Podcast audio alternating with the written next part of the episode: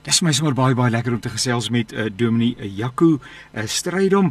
Nou, hy's die leier van die Echo Jeugontwikkeling. Dis 'n klomp mense wat die jong mense en hulle belang sterk op die hart dra en vir hulle in verskeie sentrums uh, natuurlik 'n uh, uh, uh, huisvesting bied en uh, vir hulle help om omvattend. Nou ja, ek praat nou soms namens hom asof ek alles weet, maar ek brek so 'n bietjie met hom want ek weet hulle doen wonderlike werk. Hy's ook verbonde aan die Valeria gemeente hier in Pretoria en hy's 'n gereelde rubriek skrywer in die beeld en die rapport en die kerkbode, hy blog gereeld en 'n klomp ander wonderlike wonderlike kwaliteite. Daarbenewens is hy 'n avonturier in eie reg en uh, hy's 'n ou wat altyd op reis is na nuwe ervarings en deel uit daardie ervarings en uh, hy's ook 'n skrywer uh, in eie reg. En so dis die dinge waaroor ons gaan gesels. Jaco, gaan dit goed met jou? Baie baie goed, baie dankie, Jan en gesond hierdie hierdie uh, virus het nou nog daarom vir jou uh, nie uh, deel van jou verwysingsraamwerk geword in terme van siek word nie. Nee, ek is nog gesond soos ou nou die dag sê die virus het daarom op sy trots.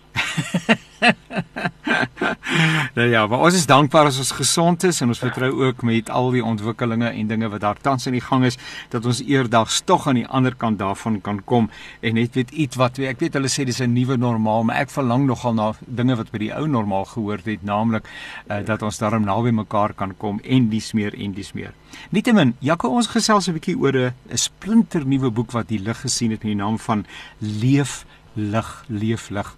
Uh nou uh Uh vertel vir ons so 'n bietjie oor die inspirasie. Waar het die hele gedagte vandaan gekom? 'n Ou begin mos iewers met 'n ding wat jy begin juk en sê, luister, hier's iets in jou hart en dit moet uitkom en dit moet met mense gedeel word. Dan ja, ek het ehm um, in die laaste seker 8, 9 jaar is ek baie genooi om te praat by kerke en reekse te doen en dan het ek myself gevang het praat veral oor hierdie vyf goed oor en oor. Ja, die vyf gewoontes in die boek. En uh die groot inspirasie is maar Jesus self. Ek het die vier evangelies weer probeer lees.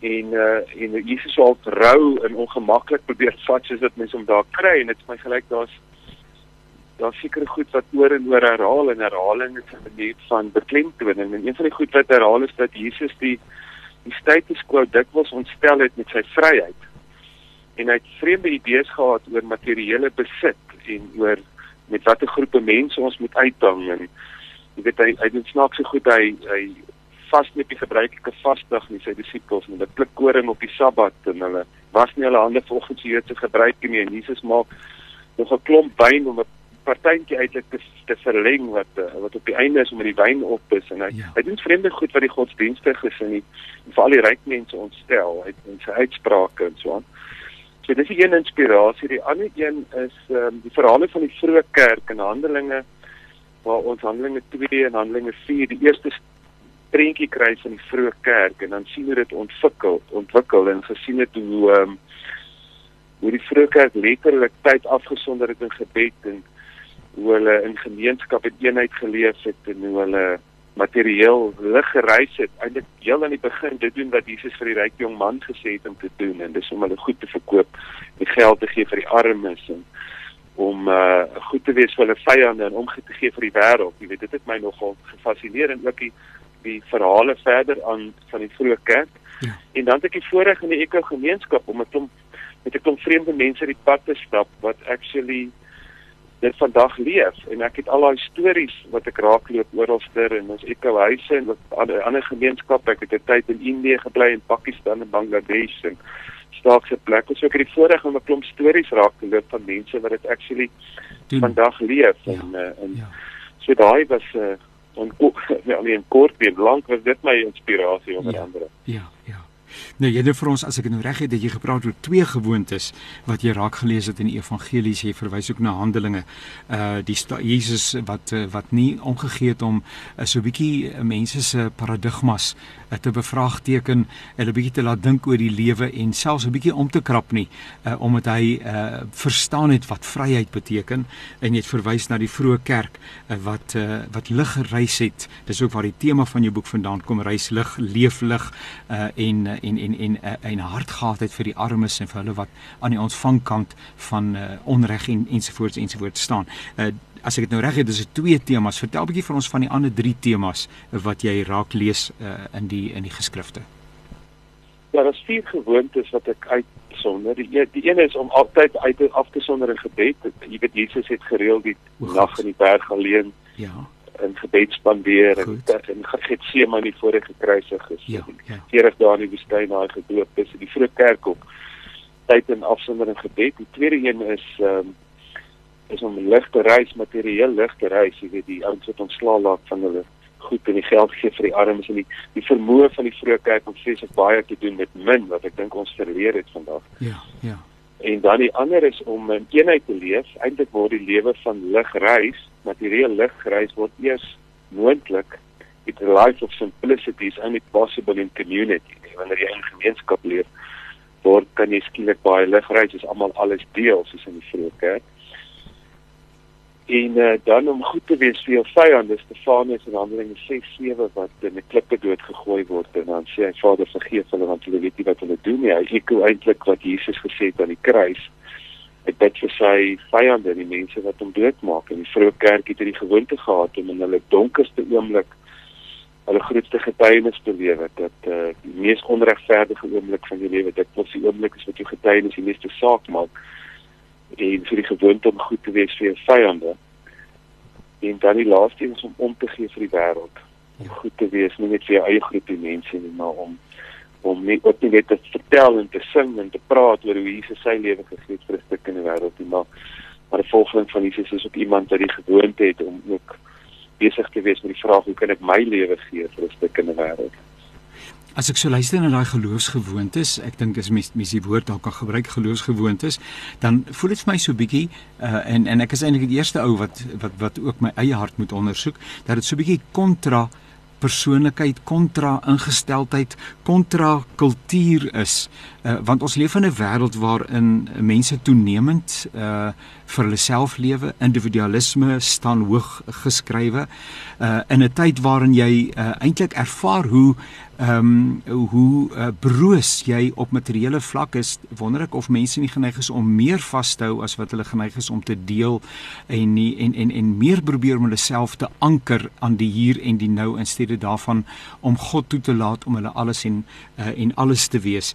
Ehm um, so so hoe kry jy iemand om te sê maar goed ek is bereid om afstand te doen want hier gaan jy gaan dit goed nie reg kry as jy nie bereid is om afstand te doen van dit wat in jou eie lewe uh die die groter narratief is nie. Of uh, verbeel ek my dat mense daar is? Is mense geneig tot gebed mededeelsaamheid en eenheid en al daai dinge wat daarmee saamhang? Kyk wat wat Jesus sê is die alternatief vir die wêreld het werk jy weet. Uh en die alternatief jy weet dit maklik was dit almal dit gedoen. Ja. So hy daag ons ongelooflik uit en hy het die die status quo die die magtiges en die rykes van sy tyd ontstel en die godsdienstiges en en uh, as ons hom vandag ernstig opneem behoort dit ons ook te ontstel maar dit is nie die normaal nie. Dit per definisie is dit eintlik die die alternatief. Dis so dis so upload dis dis so in die teenoorgestelde gees soos wat 'n kers is teenoor 'n duisternis jy weet. Ja ja so die wêreld leef en ons almal ons het daai geneigtheid en dit is 'n groot battle vir my persoonlik ook. Dis 'n groot uitdaging. Dis ons is geneig om baie selfsugtig te wees. Die geneigtheid is dat ons heeltyd besig is met die vraag wat moet ek nog bymekaar maak ja ja. sodat ek uh, gelukkig kan wees 'n sinvolle lewe kan hê sodat ek voel my lewe maak saak ek maak 'n verskil. Moet ek uh, weet vir die student sal sê ek moet wag tot ek eendag klaar geswat het as ek het my graad het die eh, besigheids weet die werker by die besigheid sal sê as ek enig die baas is, dan gaan ek dan maar my lewe dan maar saak maak en dan gaan ek 'n groot verskil maak. Die ehm um, besigheidsman sê as my skuld eendag afbetaal is, ons sal sê as ek daai kar eendag kan ry of as ek net tog net my eie huis het of as ek net 'n klop kennis bymekaar gemaak het of status of wat ook al, maar by Jesus kry mense die vreemde idee en en antwoord op jou vraag is ek dink mense kry dit by Jesus self. Ja, ja. En jy weet om weer uh, baie ernstig te kyk na Jesus en jouself te verloor in sy en op sy sy teenwoordigheid en in sy idees. Maar by Jesus kry mense die vreemde idee dat as jy 'n lewe van betekenis wil lewe, as jy geestelik wil groei, as jy naby God se hart wil lewe, dan moet jy altyd iets laat gaan. Nie nog iets bymekaar maak nie. Dis Ja. eintlik veronderstel om goeie nuus te wees. Ja. En as dit skielik vir ons almal moontlik, want anders is dit net vir die rykes moontlik, jy weet. Maar by Jesus uh, wanneer die disippels hom wil volg, dan moet hulle hulle nette los. Ja. Die uh, ryk jong man se goed verkoop en die geld vir die armes. Paulus moet ontslaa raak van sy status as fariseer. Die ehm um, uh, Jesus leer ons om van ons bitterheid ontslae te raak, iets Ja. waaraan ons baie swaar kan dra. So jy moet eintlik altyd iets laat gaan, dis amper unlearning. Ja, ja. En veral in hierdie tyd waarin ons reeds so baie besit en die kerk so baie besit meer as ooit in die in die geskiedenis, is dit dalk om te onthou wie ons regtig is, hoe, hoe groot verskil die kerk met min kan maak en om agter te kom dat alles wat ons bymekaar maak nie altyd ons help nie, dat dit ons baie keer so swaar laat dra dat dit eintlik uh, ons terughou Ja. van Ja. daai verskil wat ons veronderstel is om te maak. Ja. So die uitdaging van die boek is om te vra, eerder om te vra wat moet ek nou nog bymekaar maak Ja. om eerder te vra wat moet ek laat gaan. Ek hou van die woorde wat gebruik word iewers in 'n resensie of iets wat ek raak gelees het, naamlik uh dat ons ligter sal reis en nie swaarder nie. En ek dink uh ons is so geneig om swaar te dra, swaar emosioneel, swaar geestelik, swaar op alle terreine. Ons dra swaar aan die laste van hierdie wêreld uh en uh om om die hand bietjie oop te maak en die goed te laat gaan, uh want God is tog aan die werk uh en dit hang nie van ons af nie. Hy nooi ons maar eintlik net uit om medewerkers te wees met hom wat reeds besig is in hierdie wêreld. Ek verseker en ek dink dit is dis hoekom dit goeie nuus is om Ja. te wees. Weet wanneer Jesus sê moet jy nie so bekommer oor materiële goed nie, dan is dit nie vir ons lekker nie want ons hou daarvan om ons te bekommer oor 'n klomp goed lyk dit vir my. Bekonnis. En hy dis asof Jesus ons eintlik wil herinner aan hoe gelukkig ons in die tuin van Eden was. Jy weet, toe ons die minste besit het. Ja.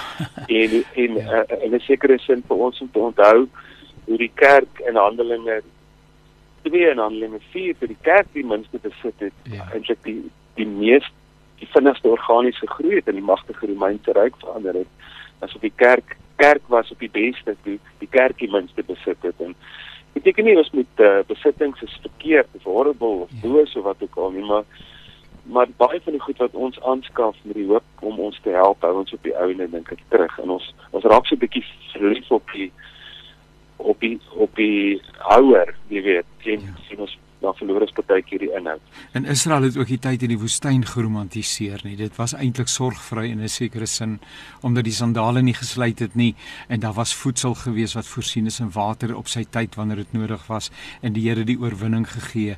En is dit nie waar die loof het 'n fees en die goeders vandaan kom nie, want op 'n manier was dit sorgvry geweest. Ja, ek dink as ons kan weet wie ons regtig is Ja. Dan kan ons baie makliker gelukkig gelukkig wees. Jy weet, ons het ons het materiële voorwaardes vir geluk. Uh onthou elke advertensie sê vir ons wat het ons daai een ding wat ons nog nodig het, Ja, nadat ja. ons eintlik reeds genoeg het. Ja, ja. Ons het materiële voorwaardes vir geluk, ons het materiële voorwaardes vir ehm um, Ja. vir uh, bet- dat ons lewe betekenisvol voel, ons het materiële voorwaardes dat ons 'n verskil kan maak. Ja.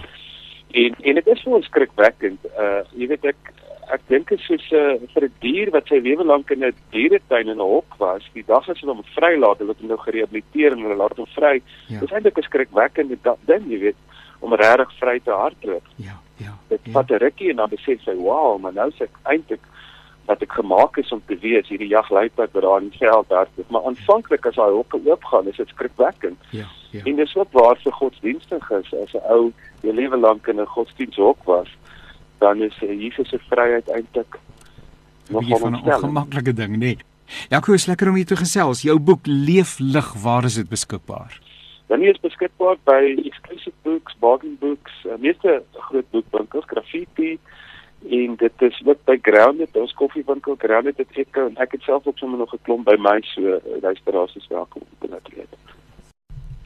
Baie dankie Jaco, stryd om. Uh, dit was lekker e leier van die Eco jeugbediening, uh jeugbeweging en uh, dan natuurlik ook 'n skrywer van die boek Leeflig. Jaco, 'n telefoonnommer waar mense met jou kan gesels asseblief. Ja, mense kan my e-pos by jacostrydom@icloud.com of 0844 777 123. Hartlike dank en 'n baie baie geseënde dag vir jou. Baie dankie.